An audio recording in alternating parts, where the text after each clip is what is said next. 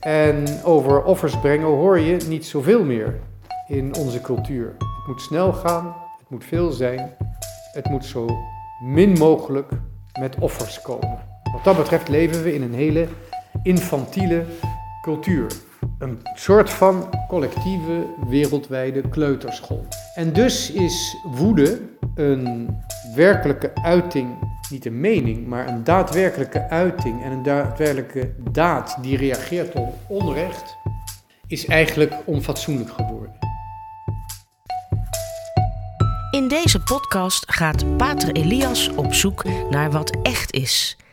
Hij gaat de uitdaging aan om een zo helder mogelijk beeld te vormen van hoe de wereld in elkaar steekt. Dit is de Pater Podcast. Wij Nederlanders leven in wat de Engelsen noemen een comfort zone.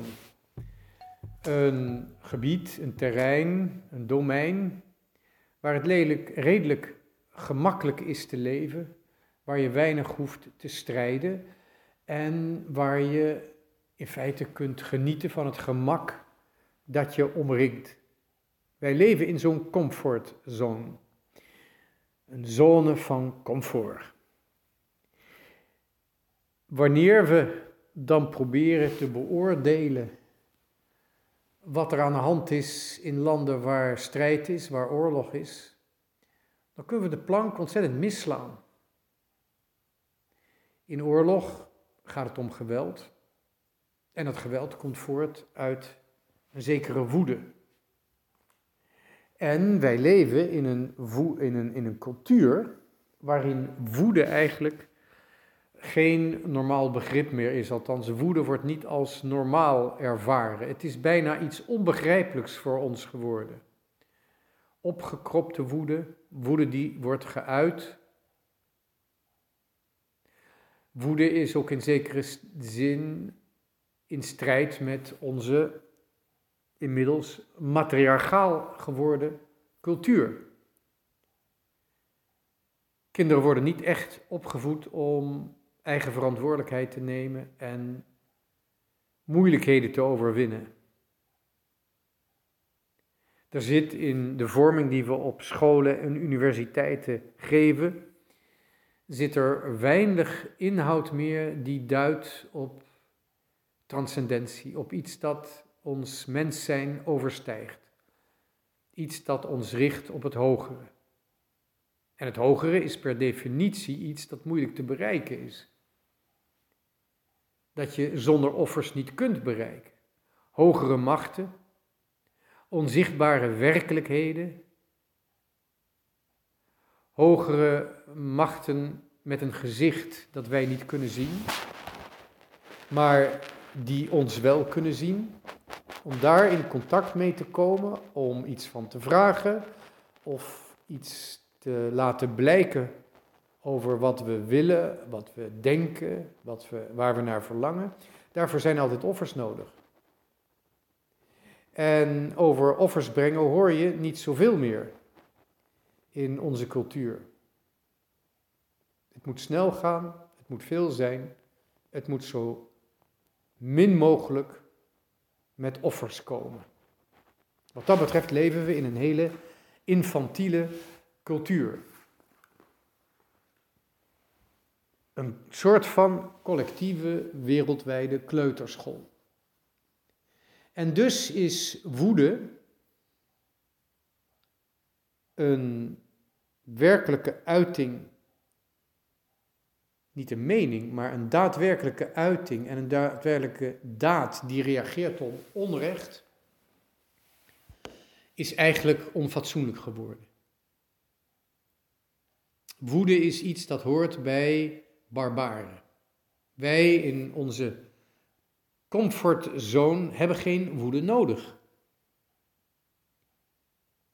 En daarom is het ook wanneer we naar conflicten gaan kijken die zich ver afspelen en die voortkomen uit een woede die niet alleen wat ons betreft onfatsoenlijk is en onbeschaafd, maar ook nog totaal onbegrijpelijk is geworden, dan kunnen we menen daar vrede te moeten gaan stichten. te weten hoe die vrede moet worden gesticht. En daarbij kunnen we dan de plank ongelooflijk misslaan. We kunnen ons contact met de realiteit vergeten, totaal verliezen. Een voorbeeld daarvan was toen Nederlandse militairen de wapens afpakten van mensen in Bosnië, ontwapenden en vervolgens ze uitleverden aan de vijand zodat ze konden worden afgeslacht. Dat was niet de schuld van de militairen, dat was de schuld van de politici van het land, waar die militairen eer hadden gezworen om dat land te verdedigen. En die militairen werden naar Joegoslavië gestuurd om mensen te ontwapenen en vervolgens aan hun vijanden uit te leveren. Dat was niet de schuld van de militairen, dat was de schuld van de mensen die de, in de politiek, vanuit de politiek, de orders gaven aan die militairen. Die politici zijn nooit echt ter verantwoording geroepen en zullen dat tot het eind van hun leven waarschijnlijk niet worden. De militairen die daar waren, die zijn wel mens en die lopen hun hele leven met dat trauma rond. Dat trauma van de onverantwoordelijkheid van de politici. Die het onmogelijke en het onmenselijke en ook het volstrekt onrechtvaardige hebben gevraagd. Waarom? Omdat die politici in hun comfortzone niet de woede van de mensen konden begrijpen. Nu kunnen die militairen die terugkwamen uit Joegoslavië, kunnen die woede wel begrijpen. Ze hebben een begrip gekregen voor menselijke agressie, menselijke woede en hoe die oorzaken heeft en hoe die woede ook alleen maar gecontroleerd kan worden, maar ook genezen kan worden met gerechtigheid, met waarheid. En we zien in feite hetzelfde nu in de oorlog van de Oekraïne. Daarin komen woedes naar boven die wij helemaal niet begrijpen. Wij begrijpen niet wat er in de Oekraïne en in Rusland is gebeurd vanaf de revolutie en overigens daar ook daarvoor. De propaganda van met name de Russen, waar weinig nieuws in voorkomt,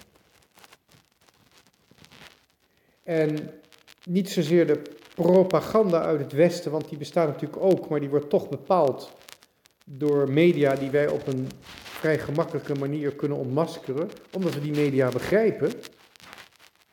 Terwijl de Russische propaganda wordt geïnspireerd en ook bewogen, krijgt zijn omvang en zijn dynamiek van mechanismen die wij niet kunnen begrijpen.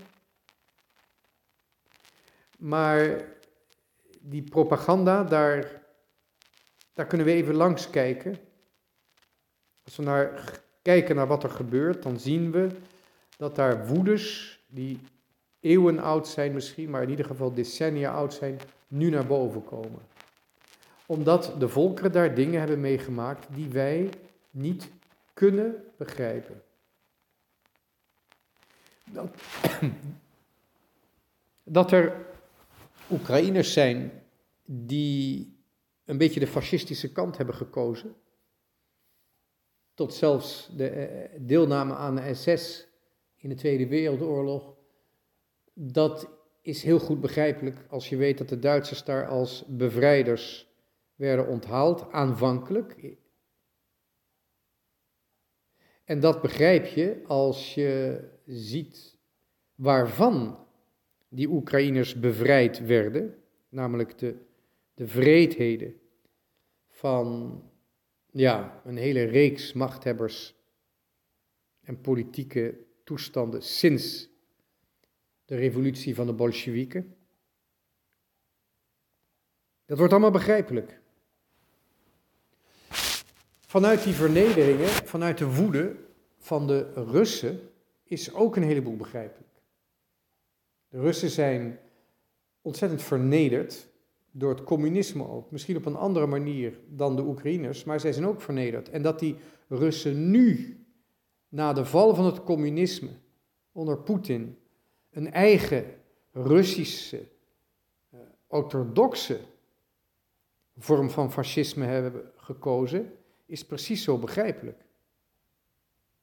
Weinig mensen weten wat voor Russisch, nationalistische, zeer fascistisch getinte dictatuur, of eigenlijk ideologie, het regime van Poetin heeft geprobeerd van de grond te krijgen.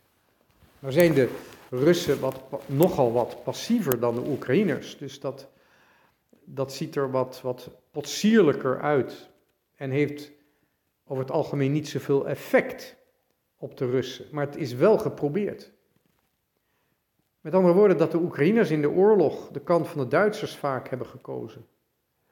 En dat in Rusland eigenlijk rond de persoon van Poetin een soort van aparte tak van het fascisme is ontstaan, waarin Poetin een beetje de rol van Mussolini lijkt te spelen. Dat is ook begrijpelijk.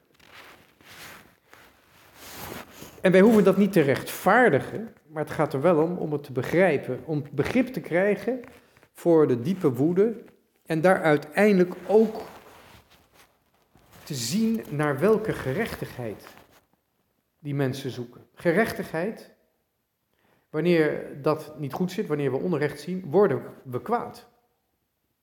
En er zitten nou eenmaal diepe woedes in die generaties die van generatie op generatie worden doorgegeven. Er zit op een gegeven moment in een cultuur zit die opgekropte woede. En woede, ik heb het al eens gezegd, volgens Thomas van Aquino, de heilige Thomas van Aquino, is woede de meest nobele, edele hartstocht in de mens, omdat het de enige passie is, de enige ja, drift in de mens, die direct is verbonden met de reden. Vandaar dat het onrecht, dat door de reden wordt geconstateerd, zo'n grote rol speelt. En dus in, in alle volkeren, niet alleen bij Oekraïners en Russen, maar ook eigenlijk in alle volkeren, kun je een hele diepe basis van godsdienst, van levensbeschouwing vinden, door te bekijken wanneer ze kwaad worden en hoe ze kwaad worden en waar ze kwaad op worden. Een heel ander gebied is het bijvoorbeeld India. In India lijkt alles in vrede samen te leven. Maar als de woede losbarst, dan is er ook geen, geen, geen, geen grens meer aan. Bij de opsplitsing van Brits-Indië zijn miljoenen mensen vermoord. En je ziet dat er een enorme woede opkomt, een enorme agressie opkomt, waarvan je dan kunt afvragen, wat kan dat zijn? Waar komt die woede binnen de islam vandaan, dat geweld, dat zich overigens vaak meer richt op moslims zelf, onderling, dan op anderen naar buiten. Er is geen land waar uh, christenen worden onderdrukt door de moslims, waar ook de moslims onder elkaar niet een enorme strijd voeren. Het is een geweld dat zich richt allereerst binnen de gemeenschap en daarna ook, ja, misschien uit frustratie, op andere gemeenschappen.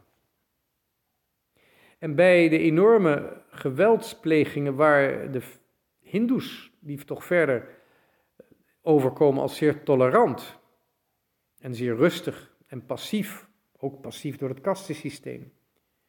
Waar komt hun woede vandaan? Waar komt hun agressie vandaan tegenover christenen, maar ook tegenover moslims? Weten wij wel wat voor strijd er is gevoerd in India lang voordat de Engelsen daar kwamen, toen de islam oprukte naar Hindoe-gebied, waar een godsdienst niet alleen varkens at, maar ook nog eens waar het gebeurde, varkens als godenbeeld aanbad. Beesten die voor de islam onrein waren, die werden door de hindoes niet alleen gegeten, maar ze werden ook als goddelijk gezien. Dus de minachting van de moslims voor de hindoes was groot en heeft ook tot enorme bloedbaden geleid. Waarover tot op de dag van vandaag in India liever niet gepraat wordt. Men wil die oude wonden niet openscheuren. Maar ze zijn er nog wel. En het zijn lelijke littekens. En als die wond weer open gaat, dan is er geen grens aan het geweld. En toch, als we verzoening willen, als we vrede willen stichten, dan moeten we juist bij die woede beginnen. Omdat die woede gaat over een onrecht. En oorlog kun je niet direct bestrijden. Je kunt een oorlog winnen, maar dat wil niet zeggen dat je de vrede daarmee hebt gewonnen. Je kunt de oorlog alleen maar beëindigen en de vrede winnen als je aandacht besteedt aan het onrecht. Dat heel diep begraven kan liggen.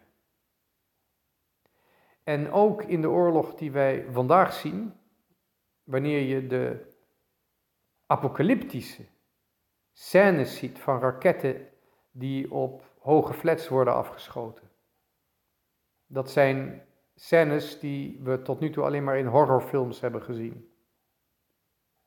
Wanneer we dat zien, dan begrijpen we waarom er Oekraïners zijn die hun heil zoeken in hele militante, militaire ideologieën, zoals ze die inderdaad bij de nationaal socialisten, de nazi's, zijn tegengekomen.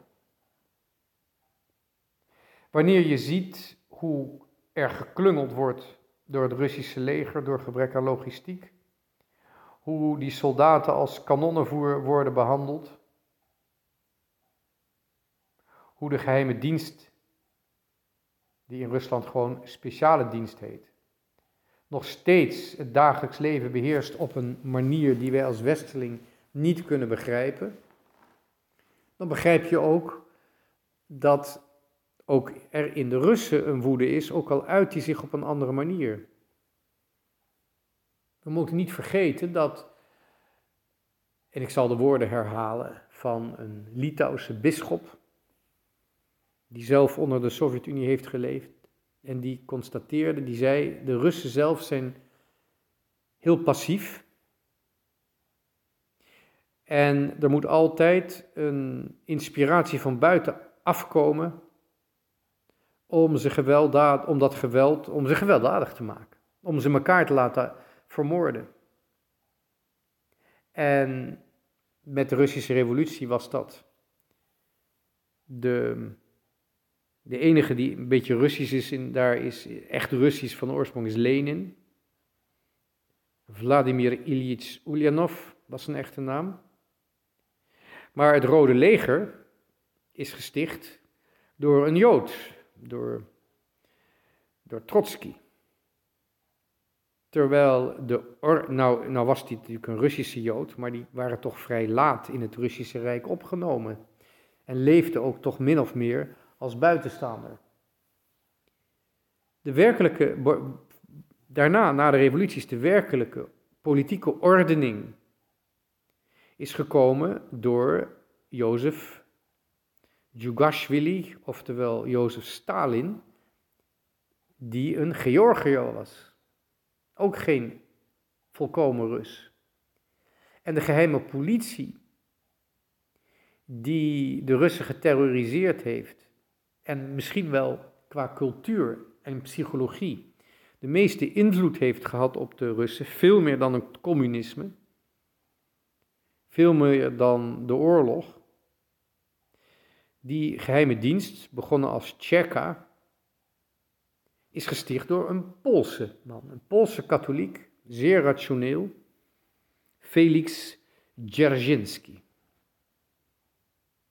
Dus die hele Sovjet-Unie is eigenlijk gesticht door mensen uit de marge van de Russische samenleving. En de pogingen van Poetin om een nationale eenheid te creëren, waarin de kerk meer een instrument is dan een doel. De patriarch van Moskou, die heeft geen enkele keus, hij kan zijn staatshoofd niet bekritiseren. Het is niet alleen een staatskerk, maar het is eigenlijk ook de kerk van een natie. Een soort van vier eenheid, Vader, Zoon, Heilige Geest en Rusland. Die man kan geen kant uit. Dus waar de vrijheid ligt, waar de gerechtigheid ligt, en waar het onrecht ligt en waar de woede vandaan komt, dat is voor, voor Rusland is dat wat ingewikkelder dan voor de Oekraïne. Dat is ook niet aan te wijzen. Vandaar ook dat het met de propaganda veel makkelijker is, te is om te zeggen dat de Oekraïners zijn fascistisch. Terwijl het fascisme van de Russen veel moeilijker is aan te wijzen. Zeker vanuit onze comfortzone. Hoe dit zich verder zal ontwikkelen, dat weet niemand. Is dit het einde van, van Rusland? Is dit het einde van de Oekraïne? Is het misschien het einde van Europa? Of van de Russisch-Orthodoxe Kerk? We weten het niet. Er zijn zoveel nieuwe dingen die, die nu eigenlijk onverwacht naar boven komen. En zoveel onduidelijkheden die nu ineens duidelijk worden, dat we vooral moeten nadenken vanuit gebed, vanuit aanbidding. Niet passief blijven, hulp geven die nodig is, hulp geven die gevraagd worden, maar ons tegelijkertijd de vraag stellen van wie zijn wij? Waar verlangt Christus nu in deze tijd van ons om ons gebed, om onze offers, om onze zelfopoffering. En vooral die zelfopoffering en offers, daar zijn we in onze comfortzone erg slecht op voorbereid. Dus als het zover komt, dan vraag ik me af hoe het zal gaan. Niemand kan de toekomst zien. Maar wat er zal komen, het hangt wel van ons gebed af of Christus daarin een rol kan spelen. Of onze lieve vrouwen, met name onze lieve vrouw van Fatima, daar een rol in kan spelen. Want zij wachten op ons gebed. En pas dan kunnen zij de belofte nakomen die ze gedaan hebben. Toen vanuit het licht van Gods heerlijkheid al zichtbaar was wat de Heilige Vader in de hemel, de Hemelse Vader, van ons verlangt. Bedankt voor het luisteren. Tot de volgende keer.